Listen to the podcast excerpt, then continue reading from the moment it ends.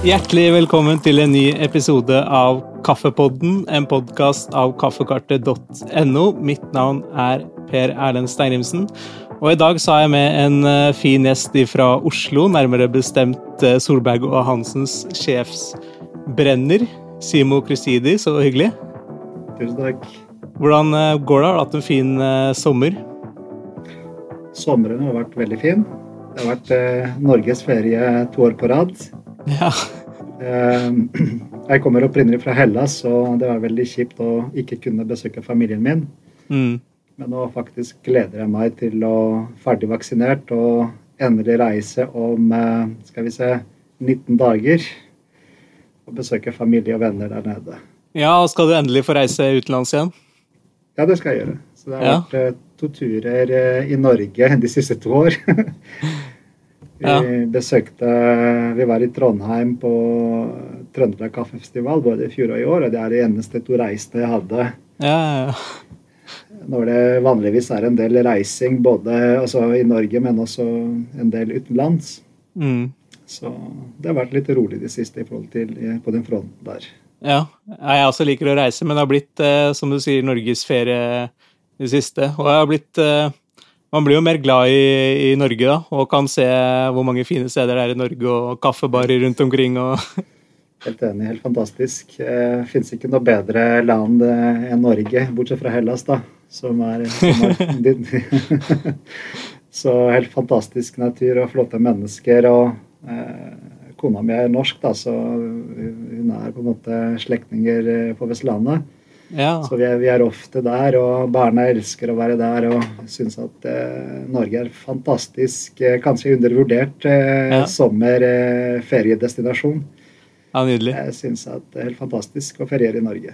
Jeg holder jo til på eh, Vestlandet i Bergen selv, og det er veldig fint når det er eh, først det er fint vær. Da er Bergen eh, utrolig bra, altså. Da må jo være Bergen når jeg reiser til Bergen, fordi når jeg reiser dit, så er det som regel sol og glede. ja. Det er fantastisk.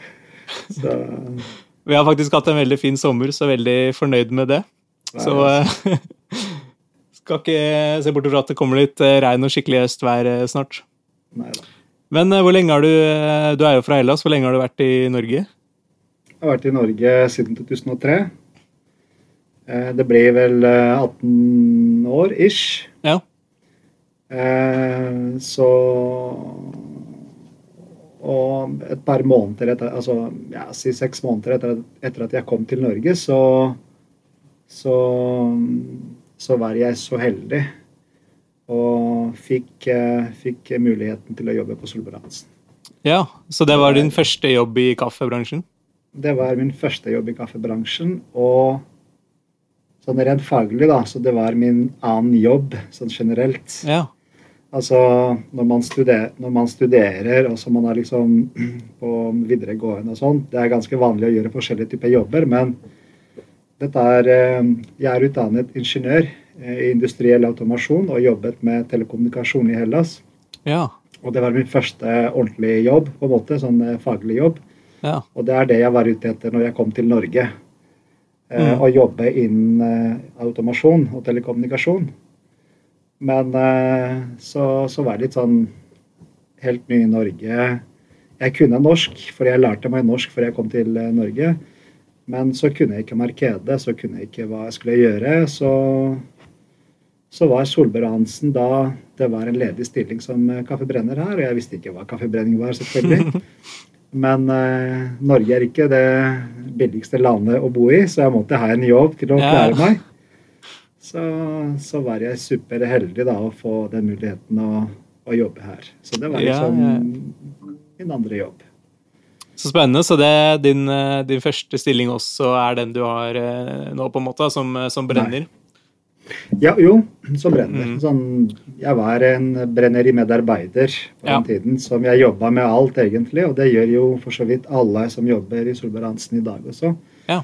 Eh, Skal man jobbe altså, med kaffebrenning, så skal man kunne bistå eller bidra eh, ved fravær, sykdom, eh, ferieavvikling osv. Og så andre funksjoner. Mm. Og vi er jo en stor bedrift, og da er det viktig liksom å kunne eh, klare å gjøre jobben din som kaffebrenner, men du skal også hjelpe til andre kolleger med både baking og råvarehåndtering osv. Så, videre. mm. så det er det jeg gjorde de første, eh, de første tre-fire år, da. Før jeg begynte gradvis å klatre litt sånn i mm. hierarkien her. Hvor lenge har du vært eh, sjef for eh, kaffebrenninga i Solberg Hansen? Um, jeg begynte i 2004 i mars, uh, og allerede i 2007 Jeg, ikke, jeg vil ikke si at jeg var sjef i kaffebrenning. Det er jeg ikke heller. Nå føler jeg. Jeg, jeg føler at jeg har eh, en del erfaring og kunnskap. Um, men uh, jeg liker ikke Altså, sånn, jeg hadde en tittel som på en måte etter um, tre år så ble jeg Jeg tok ansvaret i brenneriet. Ikke ja. fordi jeg var en dyktig kaffebrenner eller jeg var en flinkeste fagperson som finnes, men jeg er veldig flink til å jobbe. Eh, jeg er hardt arbeidende, og så jeg er veldig strukturert person. Jeg liker å ha rutiner og systemer. Mm. Det er derfor jeg studerte automasjon. ja. Så for meg liksom å komme inn i Solveig Alliansen og forstå liksom hvordan alt henger sammen, og hvordan eh, systemene fungerer, og hva liksom skal man gjøre, og hvordan skal man ha eh, tydeliggjøre på ferske eller gamle produkter, eller å forstå det hele hvordan det fungerer. Så jeg var veldig involvert i det. Jeg har lagd noen retningslinjer og rutiner, og f.eks. For, for å kunne ha oversikt over, over holdbarheten på kaffen. da ja, nå, snakker vi, nå, snakker vi, 2004, ikke sant? Og da ja. Det var ikke så mye fokus da i forhold til holdbarhet, sånn som det er per i dag. Ja, ok. Får du ikke en kaffe som er på en måte superfersk, nitrogenflusha, ordentlig forsegla, så, så har du et problem. Ja. På den tiden så var liksom kaffen ble pakka i sånn, Det var stort sett løs vekt. Eh, så det, det ble pakka videre i sånne store papirposer. ikke sant? Så det var ikke noe behov for eh, forsegling av poser. Eller, eller, det var ikke noe krav eller det var ikke noe krav for eh, nitrogenflushing og alt dette her. Men, men, for meg var det viktig at den kaffen som jeg produserer, vil at når jeg ser at jeg har 50 eh, kilo som er ferdig brent i går, mm. og så brenner jeg 50 nye kilo i dag, så vil jeg at gårsdagens kaffe må selges først. Ellers så blir du begge gamle, liksom. Mm. Ja. Så begynte jeg med de rutinene der. og Bedriften eller ledelsen så det, at jeg var opptatt av eh, strømlinjeforma produksjon, og at man skal ha oversikt over kvaliteten og holdbarhet og det ene og det andre. Så fikk jeg rollen som brenneriansvarlig. da. Så jeg fikk litt sånn mer ansvar i forhold til å styre brenneriet, til å ha liksom kontroll på brenninga og på menneskene og rutinene. Mm. Så var jeg liksom ekstremt heldig, da altså I den perioden der så jobbet jeg med kanskje eh, de beste kaffefaglig, da, kaffemenneskene som finnes i Norge.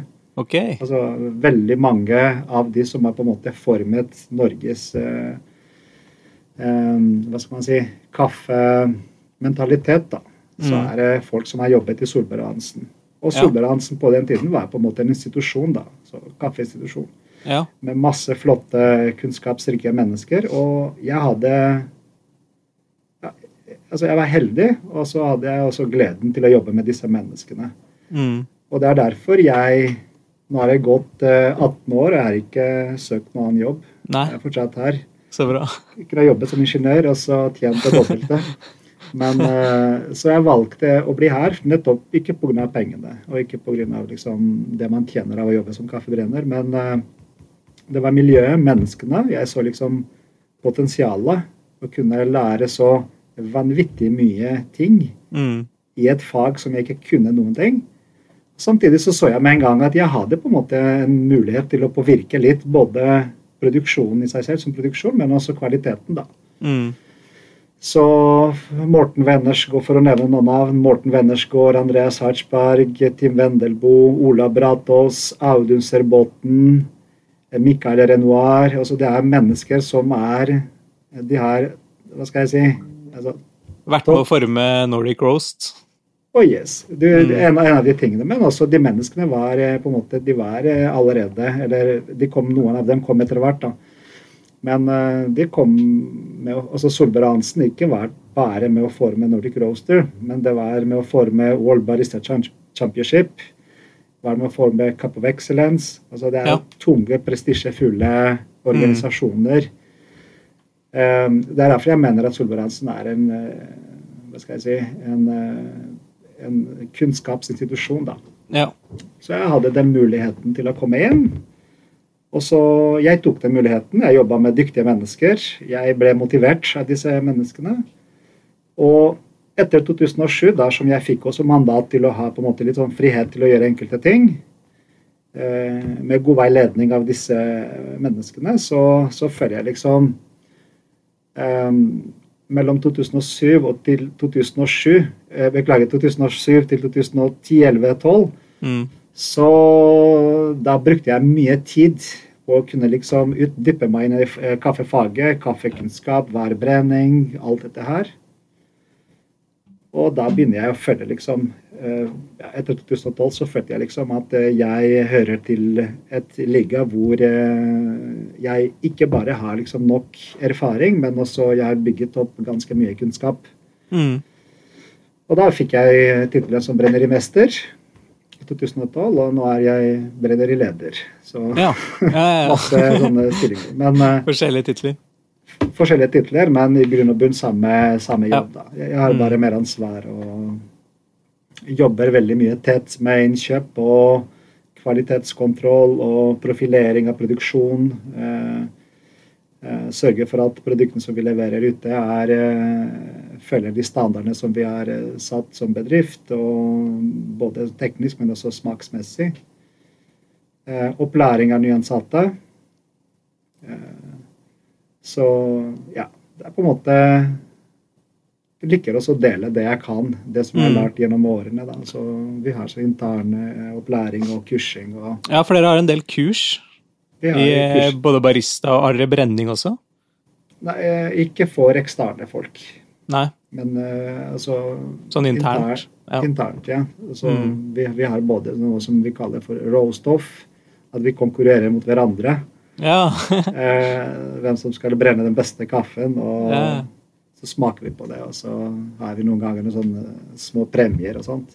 Kult. Eh, men også har vi liksom foredrag. Mm. Jeg holder en del foredrag både internt på Solberg men også utenfor. Ja. Altså der jeg blir spurt. Så liker jeg å være aktiv og Jeg liker å dele.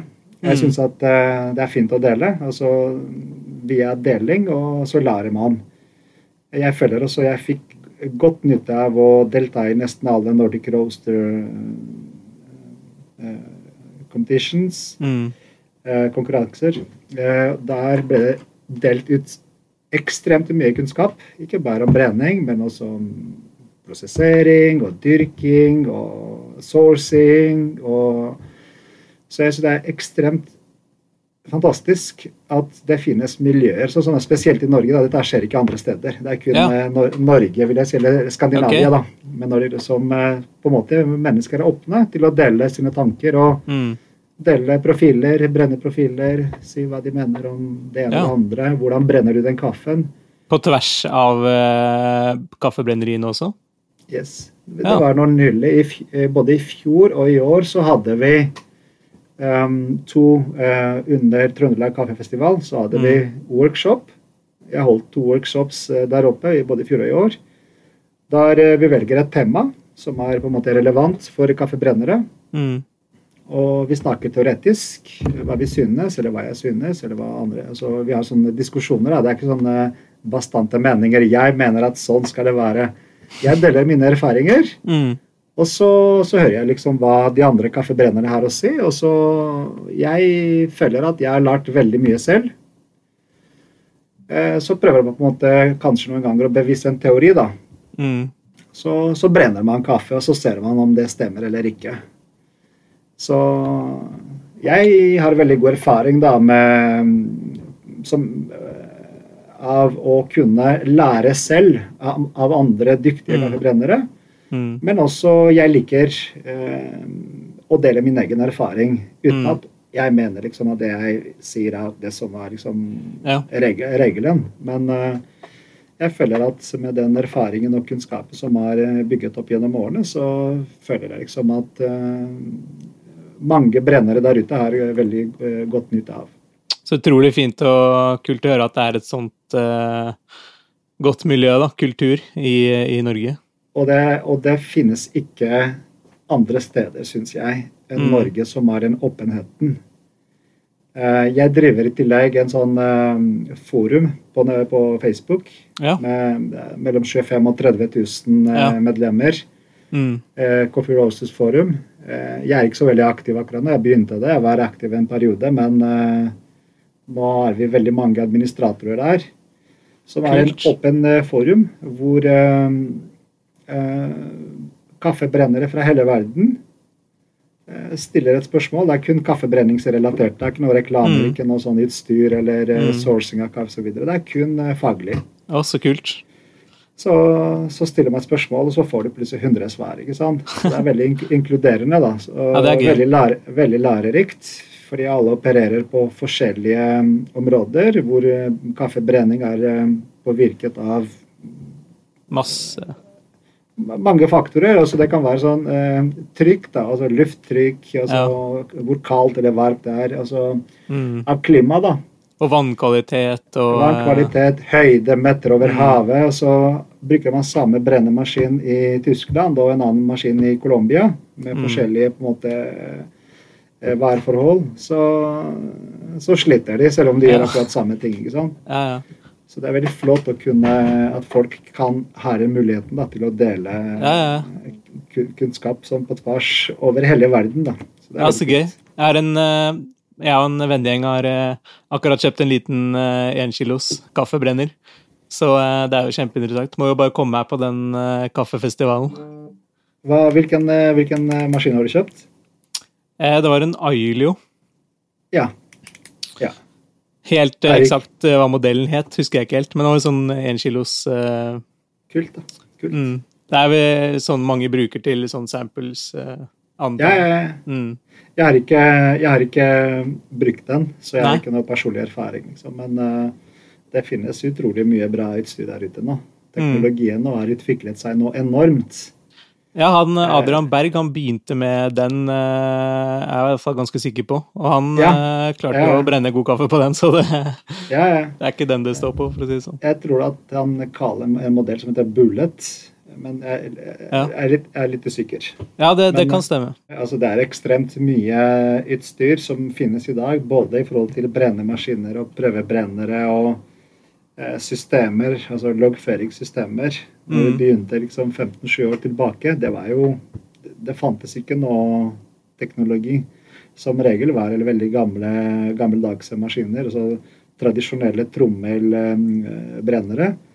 Eh, som Jeg har også brent, jeg brent kaffe på maskiner som brukte olje, faktisk. Fyringsolje. Oi.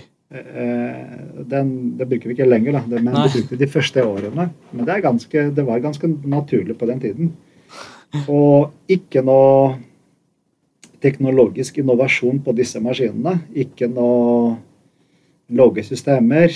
Eh, så alt var liksom veldig gammeldags, da, så vi måtte skrive ned med penn og papir. Oi. Eh, tiden og Så det er veldig primitivt. Mm. Men så mener jeg liksom det er veldig viktig da, å begynne et sted. fordi eh, da setter du virkelig pris på teknologien og innovasjonen når du mm. har vært i den fasen hvor du kunne klare å levere gode produkter uten bruk av teknologi. Da brukte man sansene mer mm. enn um, ferdig produserte apper og løsninger. Mm. Så man brukte Man var 100 dedikert og ja. 100% fokusert på det man gjorde. Mm. Og så smakte man på kaffen, så kunne se sammenhengen av det man gjorde, mot det man fikk. Ja. I, I, dag så kommer liksom superavanserte brennemaskiner som kombinerer både eh, stråling og konduksjon og konveksjon. Mm. Eh, justerbare moduler sånn som uh, airflow og mm. drum speed og Rate of fries og uh... Rate of fries, det er favoritten min. og uh, så Altså utrolig mange variabler som mm. gir en mening. men spesielt for oss da, som er liksom den gamle skolen, som ikke hadde den teknologien før. Mm. Det er jo en fantastisk Det er fantastiske verktøy som på en måte avslører hva du har gjort de dagene du ikke hadde den teknologien. Mm. Og så hjelper deg liksom til å justere litt grann, din tilnærming, da. Mm. Hva syns du om yellowing og first crack og uh, rate of fries og sånne ting? Eh, altså, jeg syns ikke noe særlig om yellowing. Eh, det er bare en fase der eh, altså, kaffen, eh, altså fuktighet som finnes i kaffen, den på en måte skal etter hvert fordampes. Og litt avhengig av hva slags eh, bønner man brenner, hvilken tetthet eller størrelse man har på disse bønnene, så kan man justere litt grann hvor lang tid man ønsker å gå gjennom yellowing Altså hvor raskt man ønsker på en måte å, å gå inn til Maillard-fasen, da. Ja. Så, men, men, det er mer bare en fase som skjer, enn at du bruker det til noe jeg, jeg bruker ikke jeg, det, det, skjer. For det må skje idet du appliserer varme i, mm. i, en materie som inneholder vann. Og når den varmen som appliseres, er i flere hundre grader. Så det er veldig naturlig, og det er det som er også målet man må mm. få ut fuktigheten av kaffen. Ja. Ja, ja. Eh, man, man, klarer å få ut fuktigheten liksom, for å kunne starte prosessen, da, altså bryningsprosessen og karamellisering, som skjer under Maillard-fasen og hele, fasen, hele veien egentlig til du avslutter brenninga. Så for mm. meg um, Det er en prosess som skjer. Men det som er viktig for meg, det er at, altså, også hvordan, hvor raskt eller hvor sakte den prosessen skal skje. Mm. Og da er vi sånn forskjellige tilnærminger som ikke er kun basert på fuktighetsinnhold i kaffe, men også er veldig basert på hva jeg forventer. Uh, et eksempel er at du har en kenyansk og en brasiliansk kaffe. Mm. Begge to har samme fuktighetsinnhold. Uh, så det betyr ikke at jeg skal kjøre på samme måte bare fordi de har samme fuktighetsnivå. Ja. Jeg skal kjøre på forskjellige måter fordi at jeg ønsker at en brasiliansk kaffe skal smake annerledes enn den kenyanske. Det brasilianske ja. kaffe skal du få sødme og litt sånn nøtter. Mm. Eh, mens på den afrikanske skal du få florale toner og bringebær og eh, ja. solbær. Så, Men si du får inn en helt ny kaffe som du aldri har uh, hatt inn før, fra Kenya. Mm. Hvordan på en måte angriper du den situasjonen? Hvordan skal du få det beste ut av en kaffe du aldri har hatt inne før? Hvordan, uh, hvordan løser du det, på en måte? Det finnes uh, flere måter. Uh, det første jeg gjør, uh, det er at jeg må prøve å brenne kaffen. Og prøve brenning er en standardmetode. Du, du, du driver ikke med noe sånn forskning på hvordan du skal prøve å brenne. Det er sånne relativt raske brenninger. Seks-sju minutter. Mm. Bare for å, å, få den på en måte brent på en 100 gram sample på en liten brennemaskin. Mm. Og så, jeg, eh, så, smaker jeg på kaffen, og så ser liksom hva, hva kan jeg forvente. Det er ikke alle kenyanske kaffer som smaker likt, men det er veldig, mm. veldig lett å kunne gjenkjenne en kenyansk kaffe. Til tross for mm. at de kan smake veldig veldig forskjellig. Med mindre ja. den er elendig og det smaker ikke som en kenyansk kaffe. Men det er veldig få av dem som vi får i Norge. Ja. Så den første tingen jeg gjør, jeg sjekker på jeg prøver å brenne den. Altså Jeg får en, på en måte et førsteinntrykk av hva kan jeg forvente av den kaffen. Er det en kaffe som er veldig rein, eller en kaffe som er deilig sødme, men som mangler bærtoner, bær, toner, så skal jeg ikke altså, så skal jeg tenke skal jeg fremheve bartonene som ikke finnes, eller skal jeg fremheve det som finnes allerede? Mm som er sødmen. Eh, vi ønsker at de kenyanske kaffene skal være florale, det skal ha noe sitrus, det skal ha masse bær. Men det er noen kaffe som ikke har det. Så jeg mm. må evaluere eh, hva slags kaffe skal jeg brenne. Jeg må se eh, hva, hvilke attributter som er veldig tydelige, og hvilke attributter, hvis jeg ønsker å fremheve dem, bør jeg jobbe med. Så det er det mm. første bildet jeg får. Potensialet, på en måte. Du må spikre potensialet. Ja. Eh, og når du har gjort det, så Det som jeg tenker eh, primært, det er liksom Jeg ser gjennom min eh, enorme database med flere tusen brenninger mm. av forskjellige kenyanske kaffer som jeg har hatt før. ofte som samme type, men si at vi, vi ikke kjenner en kaffe som vi har fått. da. Eh, jeg har allerede Hvis jeg skal fremheve de florale tonene, og bærtonene også, så mener jeg at det skal brennes innen en bestemt tid. Jeg mm. sier bare sånn et tilfeldig tall nå, fordi det varierer fra maskin til maskin. Mm. Jeg skal brenne på ni minutter, f.eks. Mellom ni og ni og et halvt minutter. Ja. Den batch som jeg har tenkt å brenne. Eh, er det en kaffe som har veldig lite floralitet, eh, eller den floraliteten som er der, er ikke eh, det er ikke gunstig å fremheve, fordi det er så lav av, og lav kvalitet, ja. eller syre. Mm. Så det, den kaffen smaker det er av en lavere kvalitet, og det, det, er liksom andre attributer som skal på en måte være tydeligere. F.eks. body og sødme. Mm. Da trenger jeg ikke å kjøre. Da tenker jeg ok, da skal jeg ikke brenne på ni minutter, jeg skal brenne på ti. Mm. Så det er den ene tingen jeg tenker på. Dette er brennetiden. Men vi begynte først med evaluering av eh, selve råvaren. ikke sant? Vi begynte med eh, sample roasting for å se på potensialet. Så vi har et bilde. Så det, det jeg forklarte nå, etter sample roasting og eh, det å spikre potensialet, så første ting jeg gjør, liksom, jeg vurderer hvordan skal jeg få fram disse attributtene som jeg fant under sample roasting. Og den første tingen jeg tenker på, det er tiden. Og da bestemte jeg to formater. Den ene for en uh, superdeilig bringebær toner, flott syre, fryktig Kenya. Da brenner jeg 9,5 minutter. Og så er det en annen variant, litt sånn kjedeligere, som er på en måte søt og bløt og både, Da går det ti minutter. Ja. Det er tiden. Mm. Så er det to ting til som jeg i forhold til min tilnærming, da. Mm. Den andre tingen som er akkurat som du er hjemme, og så skal du skal du lage mat, og så skal du lage en flott biff, så er det du vil ha den eh, sånn medium, mens mm. Uh, resten av familien din vil ha den som uh, godt stekt eller uh, medium rare, eller hva det skal være. Det du gjør der, du velger, du velger um, hvor mye du ønsker å karamellisere biffen. Mm altså, som er maillard fasten. da. Altså, mm. Skal det være godt stekt eller middelstekt eller det skal være litt stekt osv. Det samme mm. med kaffen. Og hvordan, hvordan, kan man finne ut da, altså, hvor godt kaffen er utviklet? Altså, desto mer du utvikler kaffe, desto, desto mer du lener mot uh, den både siden og sødme-delen. Eh, desto mindre så, så, går det mot uh, syre, friske kaffer, mer bare toner. Men på begge sider kan du risikere at du kan nå de to ekstreme variantene. Når du er på den mørke siden, så er det gått mot bitterhet og kulaktig, askeaktig. Mm. På den andre siden du kan risikere at det blir på en måte frisk, ja. Floral, ja. Bar toner, ja. Um, men det kan også være underutvikla. Og det skal være grønn osv. Ja. Og det er de tingene vi ønsker ikke å, å ha.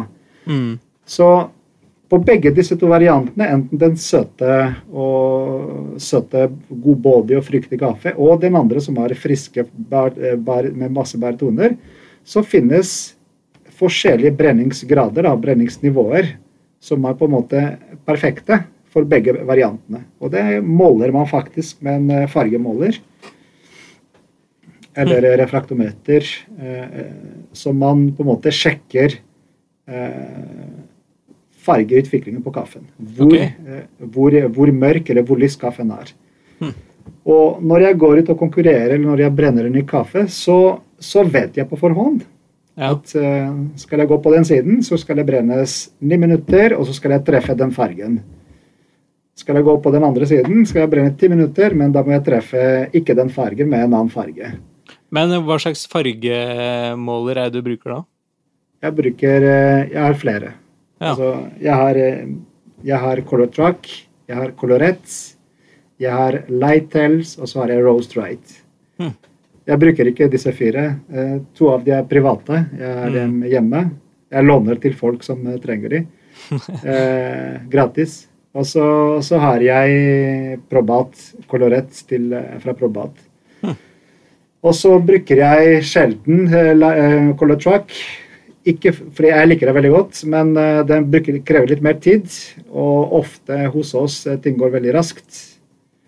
Eh, og jeg liker liksom at jeg vil ha en verdi som der og da er til å stole på, og så går jeg videre. Og da bruker jeg eh, Probat sin kolorett, som er den dyreste også.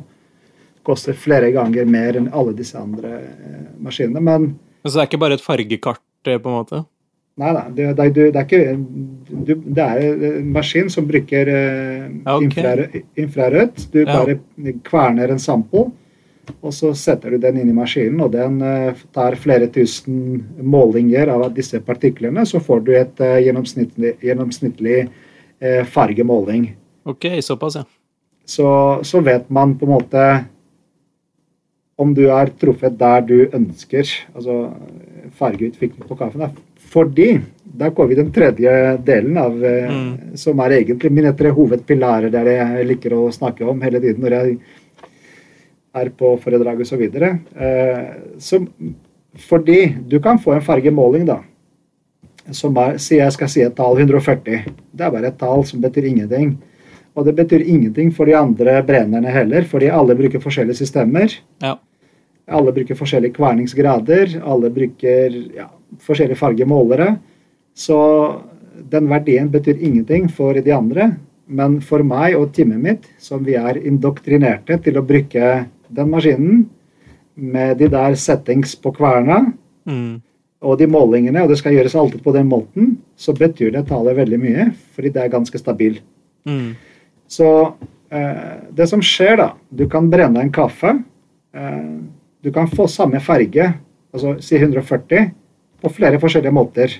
Mm. Så hvis den, din tilnærming er Vi snakket i stad. Tilnærming A og B, som er på en måte den ene surre friske, og den andre søt og bløt og både, ikke sant? Mm. Mm. Hvis din tilnærming er eh, at du skal treffe 140 på, på farge, da, så derfor er det viktig å kunne vite hvilket eh, mål du har, hvilken farge du ønsker å treffe. Hvis du treffer på en superrask brenning, en farge på 140, det betyr at for dette tar et gjennomsnitt av hele bønna som har blitt kvernet, ikke sant? og så den bare tar, måle, tar gjennomsnittet av målingene fra alle partiklene som finnes i den bønna. Og det kan være, det kan være fra skala, altså den ytterste delen av bønna. Det kan også være, eller det er, fra kjernen. Ikke Mm. sant? Så når du prøver å treffe en farge på 140 med en superrask brenning, det du har gjort egentlig, det er at du har eh, scorcha kaffen. Du har brent altfor hardt på utsiden, og den har ikke rukket å komme inn i kjernen. Ja. Så du har en todelt bønne som er veldig svart utvendig, utvendig ganske brunt i midten, eller rundt i midten, og helt grønn i, Ja. i, i, i kjernen. ja. Så betyr at du får en veldig sånn anstrigent, uh, veldig Ikke noe bitter og anstrigent og uh, urein smak. Ja. Hvis du får det samme fargen på 140, men med mye lengre brenning, det betyr at du har gitt kaffen tid til å utvikle seg. At uh, ofte eh, bøndene på en måte er litt sånn mot, motstandsdyktige. De nekter å ta varmen imot. Og det er litt basert på cellestrukturen og densitet, altså bønnetetthet og water activity, og hvordan på en måte fuktighet som ligger inn, overfører varmen innover kjernen. Så hvis du prøver å gå for hardt, og det klarer du ikke, de nekter å ta imot energien.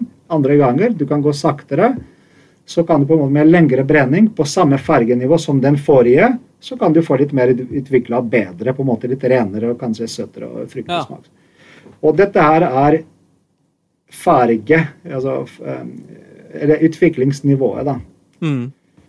Og den eh, siste som er veldig viktig også, eh, hvor etter at man har valgt riktig eh, farge som target, etter at du har valgt riktig brennelengde, Mm. ikke sant? det er det vi snakket frem til Mm, nå, basert på, basert på eh, hvilken potensial kaffen har, så er det den tredje, tredje og avgjørende tingen er liksom OK, jeg skal ha 140 farge, jeg skal brenne ja i ti minutter, men hvordan skal jeg gå dit? Mm. Og da kommer eh, teknologien og kjære Kroppster og Artisan og alle disse fantastiske verktøyene som finnes der ute, som eh, Du må bruke enkelte prinsipper og, liksom, og, og loggføre brenninga og se på din rate of rise. Ja. Eh, og de forskjellige rate of rise-verdiene som, Mm. Som skal uh, virkelig vei viser deg viser vei hvordan du skal komme til de forskjellige fas, uh, fastene. For å treffe den tiden du har tenkt å brenne kaffen, og treffe den fargen du har også som, eh, som mål og target. Mm. Så det er uh, veldig sånn Muligens det hørtes litt komplisert og litt sånn forskrekkende, men det er de tre tingene som jeg gjør hver gang Mm. jeg får jeg, jeg får levert en ny kaffe. ofte en kaffe som ikke har brent før. Men det er de tre hovedprinsippene som til dine lyttere som eh, kommer til å høre dette her etter hvert, Mm.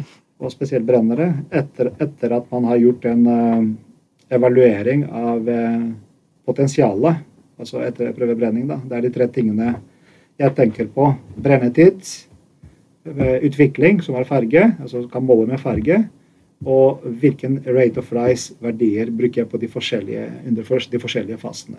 Ja. Selvfølgelig må man også ta, ta hensyn til alle disse tekniske aspektene. Da, altså øh, måle bønnestørrelse, måle fuktighet, måle tetthet, sjekke hvor mange meter over havet den dyrka, hvilken type bærtype det er, hvilken prosessering. Eh, så det er, altså, det er jo et fag, ikke sant? Mm. Men ja, ja. veldig grovt, det er de tre tingene som er det viktigste for meg etter eh, at man har smakt på kaffe. ja.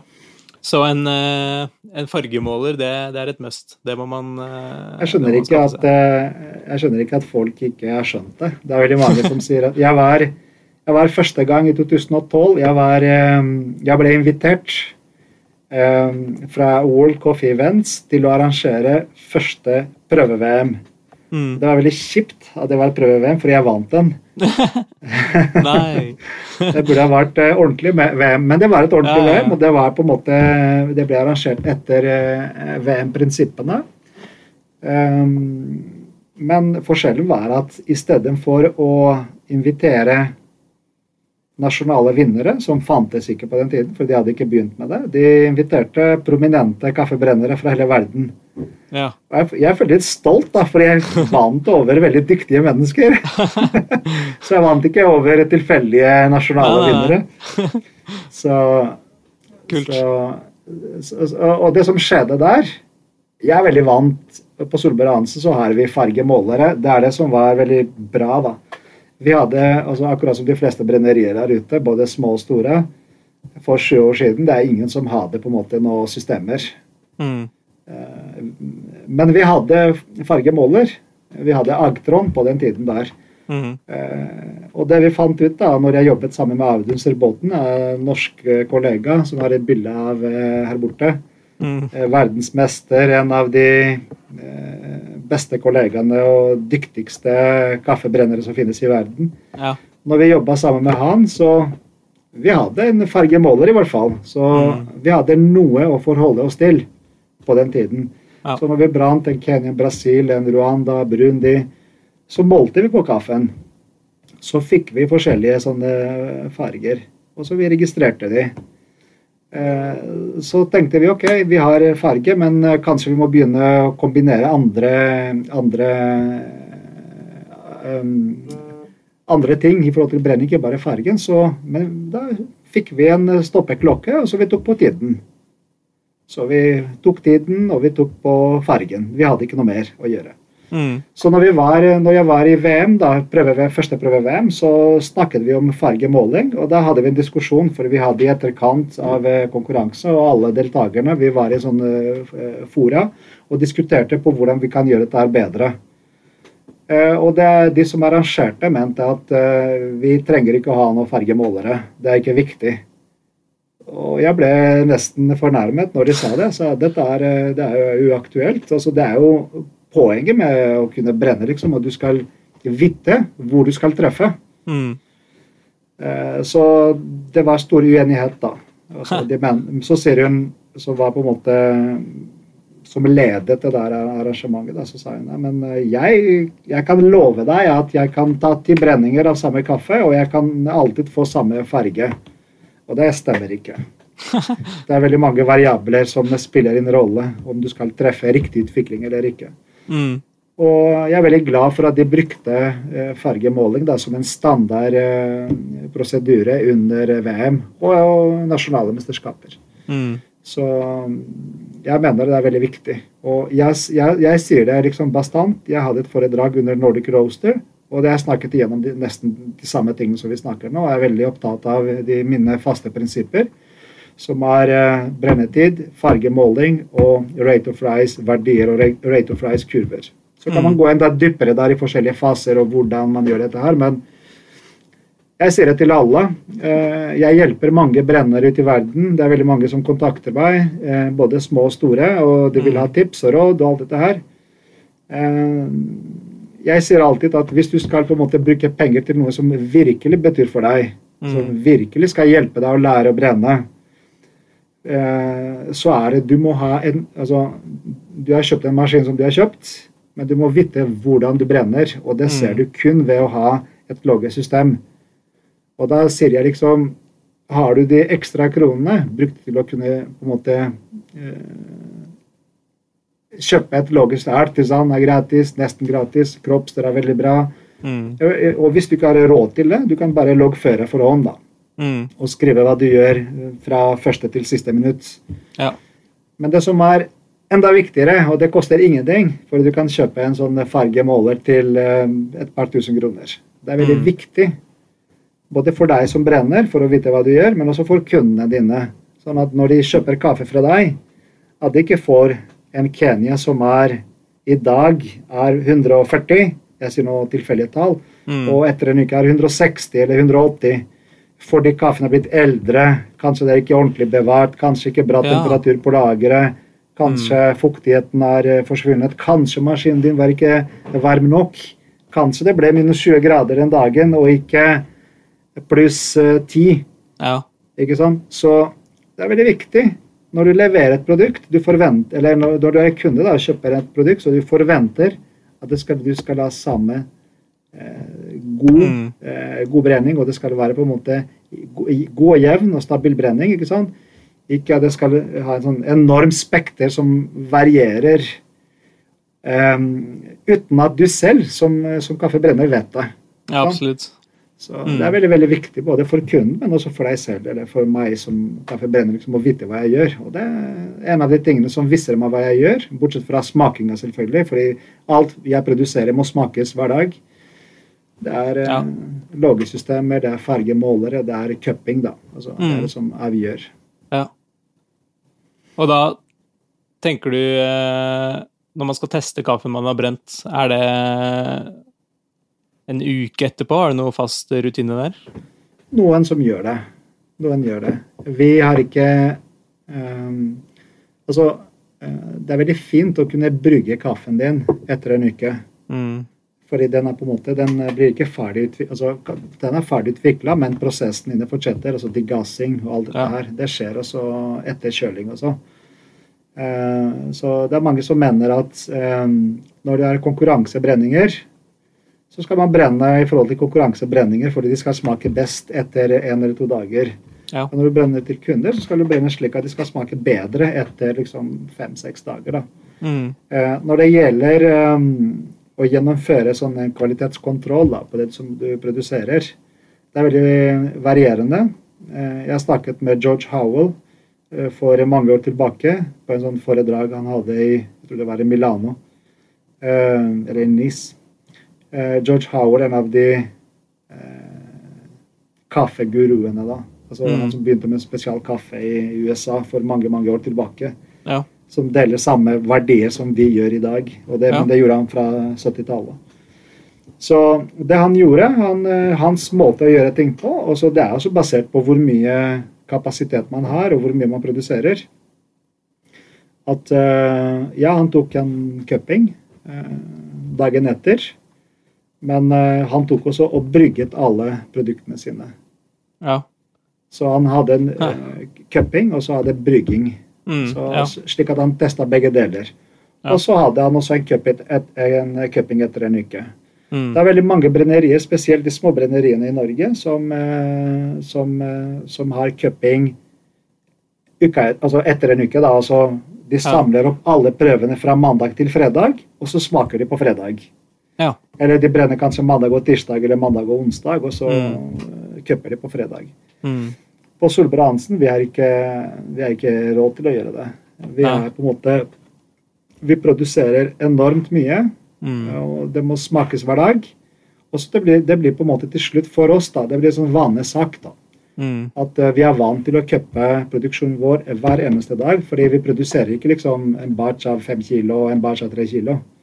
Mm. Vi produserer det minste vi produserer Altså vi har to typer maskiner. da. Vi har 120 kilos brennere Mm. så brenner liksom 120 kilo gangen. Og så er vi en låring som produserer 20 eller 30 kilo om gangen. Mm. Det er jo I uka så blir det flere tonn med kaffe som går eh, liksom Ja. 30 tonn, 40 tonn, jeg vet ikke hvor mye som går i uka. Steike.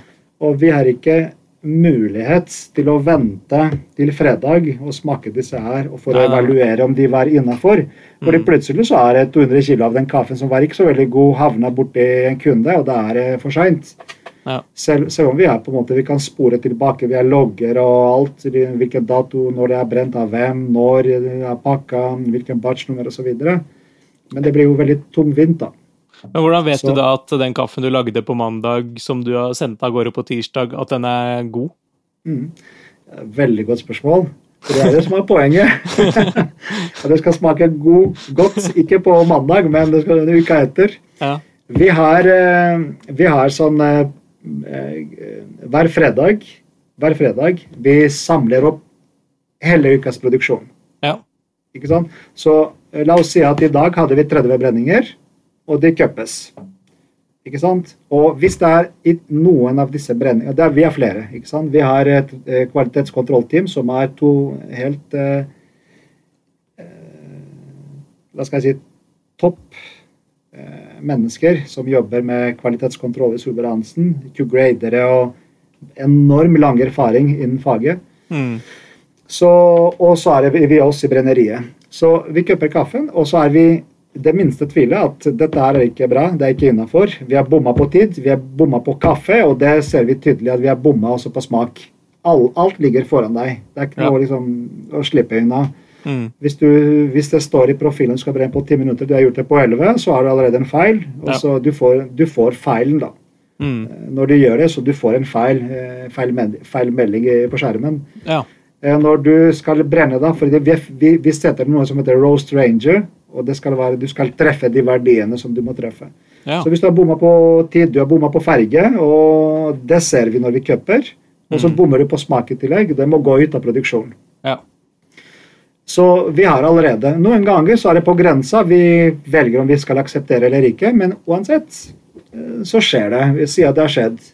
Mm. Vi samler og tar vare på alle disse prøvene.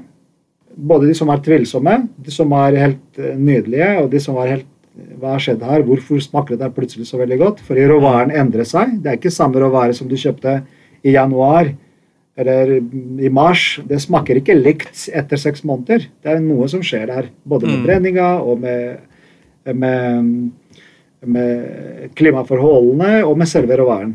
Ja. Så vi samler opp disse brenningene. Vi vet eh, hvordan de smakte i dag. Og så lager vi en sånn planlagt cupping på fredag. Mm. Hvor vi reevaluerer produktene og så ser hva som har skjedd. ja, riktig. Og hvis man gjør dette her i, i mange år Vi har jobbet sammen, vi er samme mennesker som har jobbet i veldig lang tid. Mm. Så man tilegner seg den kunnskapen og kunne anerkjenne liksom om dette er innafor eller ikke. Men igjen, det må være alltid en sånn eh, feedback loop. Det må kontrolleres og kontrolleres på nytt. Altså kjøpe i dag, men vi kjøper også på fredag. Mm. Så det er sånn vi jobber på Solberg Så at du er Mm. på en måte Du både godkjenner det som er brent og pakket nå, for det pakkes umiddelbart. Sånn at kunden kan være trygg på at den kaffen som har kommet, er bra. Men også vi Mm. godkjenner også på fredag, for vi kjøper samme sample etter fem-seks dager, eller fire, tre, fire. Og så ser vi liksom om kvaliteten er innafor. I tillegg til det så har vi en tredje ting som vi gjør eh, Som vi gjør ofte. Det er liksom Vi har fokus kaffe, da. Eh, det er en kaffe, si en brasiliansk kaffe, som vi har hele tiden. Det er ikke noe fokuskaffe, fordi vi har, gjort, vi har brent den kaffen i 20 år. Og vi har spikra profiler som fungerer hver eneste gang. Vi kjenner den kaffen veldig godt når vi kjøper den når vi brygger, og det fungerer nesten perfekt hver eneste gang. Men når du får et nytt produkt, ny høst, ny origin, som du ikke kjenner veldig godt til, da blir det fokusprodukter. Mm. Og det må vi passe på hele tiden. Ja. Må gjøre, må gjøre noen små justeringer i profilen, vi må gjøre noen justeringer i fargen. Når vi køpper på den, så køpper igjen og igjen. Og så køpper vi mot andre kaffer osv. For, å, for å treffe riktig, riktig profil mm. til slutt. ja. Eh, Et siste spørsmål angående kaffebrenning. Eh, First crack, har du noe sånn fast eh, tidspunkt hvis du skal brenne ganske lyst, da? Har du noe eh, fast antall sekunder etter first crack du gir deg da? Jeg skal si deg altså Det er veldig forskjellig. Virkelig veldig forskjellig. Det spiller ingen rolle. Det spiller en rolle når du går ut og snakker med folk og sier at eh, vet du hva, jeg har et develop development time på min Kenya på 60 sekunder. Mm. Da, da må du være enig først med den andre kaffebrenneren. Når han begynner å telle, eller når jeg begynner å telle. Mm. Um, på låring det er umulig å vite eh, når det krakker, for det er et lukka system. Men ut ifra hvordan kurvene, spesielt rate of rise-kurven, begynner å, å endre seg så veldig radikalt når den når ca. 200 grader, så antar vi at krakkinga på låring skjer på 200 grader. Ja. På de andre maskinene, det er på en måte de mest tradisjonelle, da, hvor det er en åpning, det er kobla i et styr som du kan høre det kraker.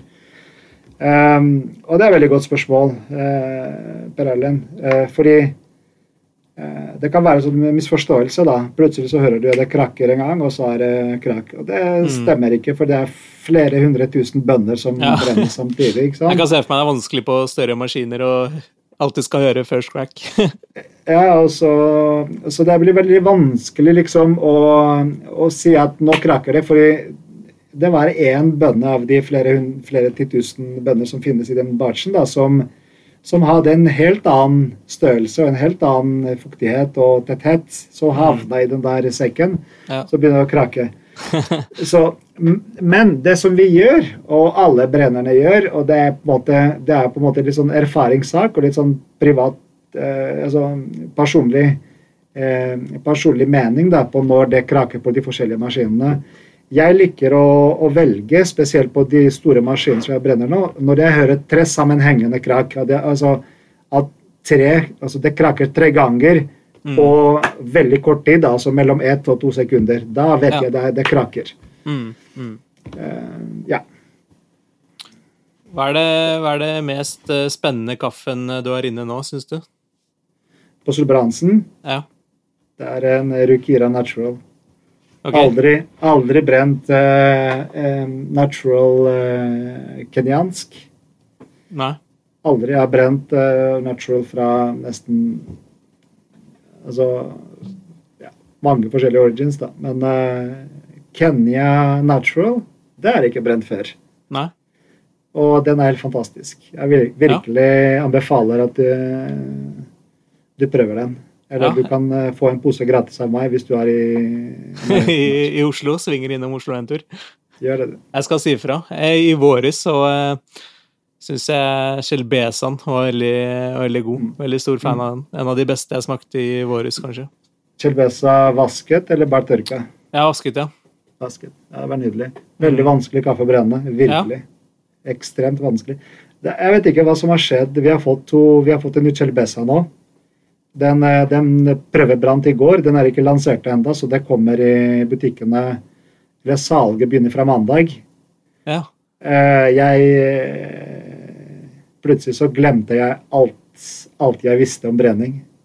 Den, den oppførte seg så spesielt. Det er helt sykt.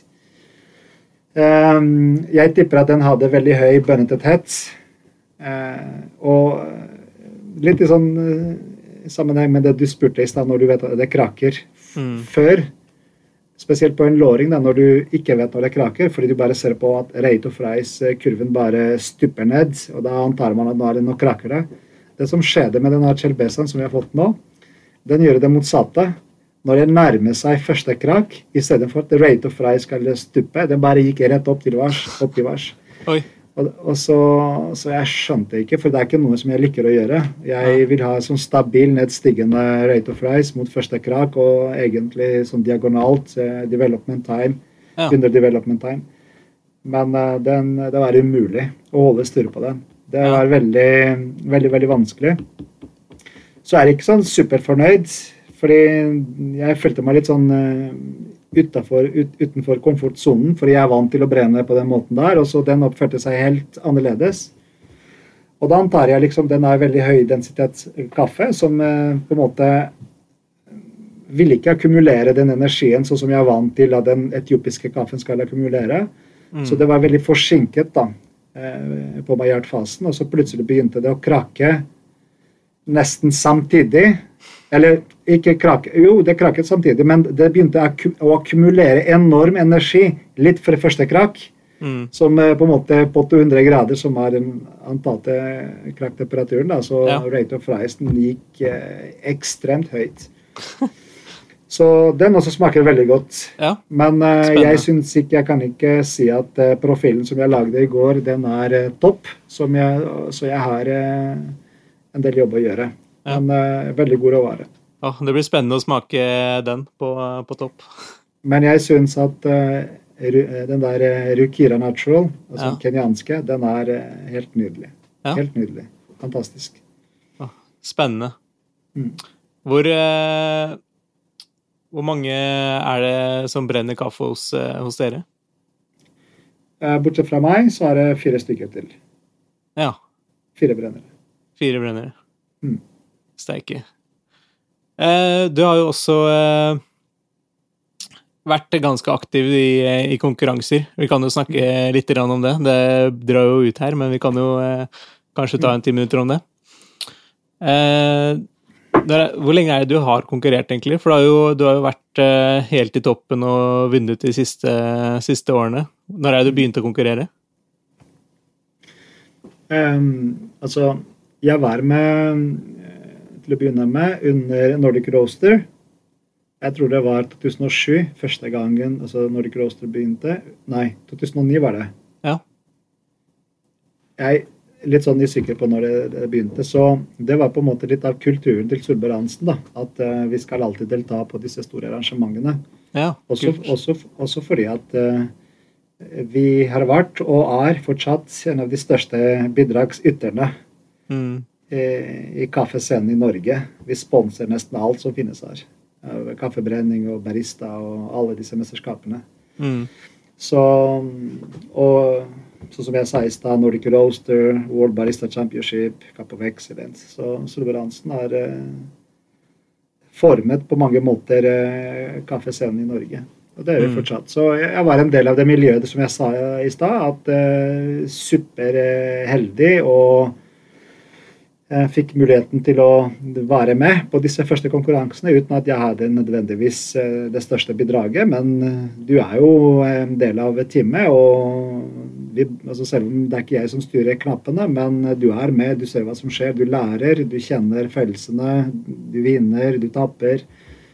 Så det begynte ganske tidlig. Sånn så, som med Solveig har jeg vært liksom hele tiden. Eh, Mm. vil jeg si, Fra 2007 eh, på Nordic Roaster, så det har vært en del førsteplasser der, en del andre- og tredjeplasser. Eh, så begynte jeg i 2012 og ble invitert på det der eh, første prøve-VM i Wien, eh, da, hvor jeg vant. Og når jeg kom tilbake til Norge, poenget var at de sa at fra neste år så begynner vi med verdensmesterskapet, der kun nasjonale vinnere skal delta. Og så tenkte jeg det er jo fantastisk. Endelig så kan brennerne Mm. stå fram og være synlige og vise seg fram. Hva dugger de til, hva de gjør, hva de holder på med. Mm. Fordi frem til da, det var liksom det hele handlet om barista. Mm. Det var baristamesterskap, og det var eh, Latteart og det og skikkelig show i VM, ikke sant? Mm. Ekstremt, ekstremt show. Og alle snakket liksom om den eh, fantastiske jobben som baristene gjør for at eh, kundene skal få en veldig god kopp kaffe. Mm.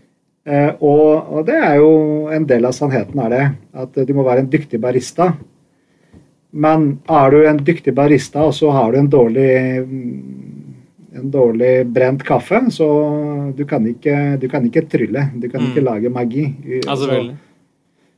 Så, er, så kommer brennerne her, som de også er en del av eh, verdikjeden, som gjør en enorm jobb for at baristaene skal kunne liksom levere de gode produktene. Mm. Og når vi er der nå, så tenker vi ok, ja, men eh, du som brenner, du kan levere fantastiske produkter, men dersom bonden eller farmen har gjort en bra jobb Fordi jeg kan ikke lage en god kaffe, jeg kan ikke brenne en god kaffe hvis råvaren som jeg kjøper, eller jeg får Bonden bryr seg ikke, han gjør en dårlig jobb, det er fullt av defekter, Mm. plantene er underernærte, ikke sant. Eh, Det får ikke, du når ikke potensialet, så du kan ikke brenne en dårlig bønne og få det til å smake godt.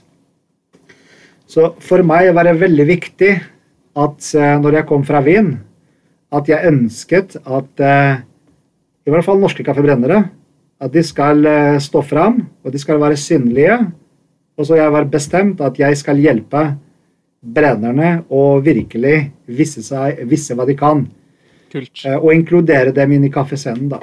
Mm. Så jeg tok kontakt med Norsk eh, Kaffeformasjon og S S Norge da, på den tiden der, med Alf Krammer. Han er ikke lenger nå eh, involvert i, i, i og Norsk Kaffeformasjon. Mm. Eh, og, så uttrykte jeg mitt ønske liksom å kunne Hva om vi arrangerer et norsk norgesmesterskap i kaffebrenning? Ja, veldig bra. Og så hadde jeg på en måte erfaring med det, da. eh, Fra tidligere prøve-VM. Og så sammen med Skaia så arrangerte vi første, første NM i kaffebrenning i 2012. De neste to årene så var jeg både arrangør og litt sånn deltaker. Første året jeg kunne ikke delta, for det var ikke lov siden jeg var i prøve-VM. Mm. Året etter, så, så to år etter, så deltok jeg. Samtidig som jeg arrangerte mesterskapet her i Solberg-Hansen. Og det var ikke så veldig lurt. da. Du kan ikke både arrangere et mesterskap og så delta selv. Så det, det gikk ikke noe særlig bra. Så det ble et, lite opphold, tror jeg, et år eller to. Eh, I 2015-14 Jeg husker ikke hvilket år det ble opphold, men eh, så jeg har på en måte Jeg har, jeg har deltatt 2017, 18, 19 og 20, da. 20 ble i år, så det er de fire som jeg har vunnet. Og så var det eh, to til som jeg ikke vant, og så var det en som var opphold. Det var ikke noe NM. Mm. Så er det ganske god uh, statistikk når det gjelder eh, Det er jo kjempeimponerende. Mm. Skal du, eh, skal du være med i, i VM som kommer? Hvis det blir noe VM i år, Ja. så, så skal jeg være med, selvfølgelig. Det er, Mm. uh, jeg må si en ting, da. Altså, jeg, jo, jeg representerer Norge i VM. Mm. Jeg representerer Solberg Hansen og litt grann meg selv. Eh, det er jo Man må nesten oppleve det. Spesielt hvis man er på sånn type Hvis man er i Asia, da, eksempel. Mm. Ja. Der er det enorm altså det, er, altså det er ekstremt kjærlighet og enorm eh, interesse for kaffe. Mm. Og Norge så står liksom helt, kanskje helt øverst på lista i forhold til hva de i forhold til preferanse. da, altså brennes til ja. Eh, og plutselig så er du i Taiwan og deltar i, i VM, og så kjenner deg veldig mange mennesker. og så kommer du og spør hvor han fra Norge. Og det er veldig ekstremt, da. Så for Norge har det, Norge har satt standard veldig høyt da, ute i, i kaffe, kaffe, kaffemiljøet ute Ja. i verden. Så det er veldig ekstremt stolt, liksom. Og, ja, kult. Å presentere, representere Norge og norsk kaffekultur. Og norsk kaffebrennere og Solberg Hansen i sånne verdensmesterskap. Så jeg håper det blir Det skulle vært i Taiwan i år også, i november, men uh, meldingen er at det er uh, altså, det er lyst til i, i ubestemt tid, da. Ja, ok, det er det, ja. Riktig.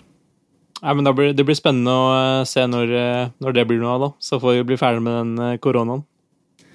Det får vi håpe at det blir. Det, det blir veldig spennende. Det blir veldig bra. Mm. Du, helt til slutt, hva er, hva er ditt favorittkaffebrenneri i Norge utenom Solberg og Hansen? Det er uten tvil Tim Vendelbo. Ja. det er, så det er på grunn av mange grunner. Så det er Ja, det er excellence. Det er mye bra det er, Lite dårlig som kommer derfra. Og så er det liksom eh, hans holdning i forhold til kaffen, hans eh, lidenskap, hans eh, kunnskapsnivå. Mm. Ikke bare i Norge. Jeg syns at Tim Wendelboe har satt standard liksom i, i, Han er brenneri i verdensklasse. Ja. Men jeg vil også si at enorm, enorm stor respekt for Audun. Ja. Audun Coffee. så for meg, liksom, det er de to som er ikke bare i Norge. Altså, definitivt, definitivt eh, de, tre, de to beste brenneriene i verden. Ja. Jeg kjenner begge to både personlig, men også jeg kjenner produk produktene deres. Mm. Og jeg vet hvordan vi jobber, fordi vi på en eller annen måte vi har jobbet sammen eh, med Audun i åtte år. Og med Tim en periode her i Solberg-Hansen. Mm. Um, og så, så syns jeg liksom de det er de beste brenneriene. Og, ja. Eh, også, men faglig, da, de som driver med brenning, både Audun og Team, det er eh, enorm kunnskap og lidenskap mm. og kjærlighet for det de holder på med. Ja, det er helt rått. Er det noen i, i utlandet du kunne trekket frem? Er det noe, er det noe i Hellas? Nei, det er noen i Hellas som er bra. Som har gjort det bra. Mm. Men altså Nå skal jeg være litt sånn det finnes mye. Alt er veldig sånn uh, basert på likes og Instagram og Facebook og promotering og uh, hvor flinke folk er til å markedsføre seg selv. Ja. Det er en ting, og det, det er helt uh, greit. Man kan på en måte selge kaffe på den måten. Mm. Jeg er en fagmann. Jeg elsker kaffe, og jeg elsker faget. Ikke, ikke, bare på en måte som et produkt, men også jeg ønsker å forstå um, uh, the science Hvordan man sier det. Um, um, det faglige, på en måte. Ja, ja. Altså, uh, vitenskapelig. Jeg ønsker å på en måte forstå hvordan det jeg gjør med hva jeg, hva jeg gjør med kaffen, hvordan det påvirker den til slutt. Mm. Altså på en vitenskapelig måte. Og, og, det er det som betyr mye for meg. Det finnes ekstremt mange brennerier som markedsfører seg selv som superkule og alt dette her. Mange kule det, brands, men det er jo eh, råvaren som teller. Det betyr veldig lite for meg. Det som betyr mm. veldig mye for meg, det er liksom de menneskene og hvordan de jobber, og hvilken faglig bakgrunn de har, og hvordan kaffen dem smaker. Og så mener jeg liksom at Audun og Tim det er liksom helt fantastiske. Eller så finnes en del uh, en del andre folk liksom, som, som gjør en veldig bra jobb. Men ja, ja, Johanna Alm i Sverige gjør det veldig bra. Uh, Alexander, Alexander Nicolae fra Romania han også leverer veldig gode produkter. Ja. Jeg kjenner han personlig veldig, veldig godt. Ja. Uh, også Ben fra Australia, han er også veldig dyktig. Ja, Det er det jeg ville mm. si. Ben Tovey, Alexandro Nicolae, Johan Alm. Det er liksom sånn, Bortsett fra Audun og Tim, så ville jeg sagt liksom som er eh, har stor respekt for. Mm, kult. For å være gode produkter. Ikke bare det der markedsføringsgreia som bombarderer oss hver dag. Ja, ja, ja. ja det er mye av det. Du, eh, Simo, tusen takk eh, for denne timen og ti minutter. Det har vært eh, kjempehyggelig og veldig lærerikt. Tusen takk for at jeg fikk lov å være med. Og det Jeg sier gjerne ja. takk til hvis du eventuelt trenger noen flere episoder i fremtiden. Så bra. Vi ses, vi ses nok i Oslo. det gjør vi.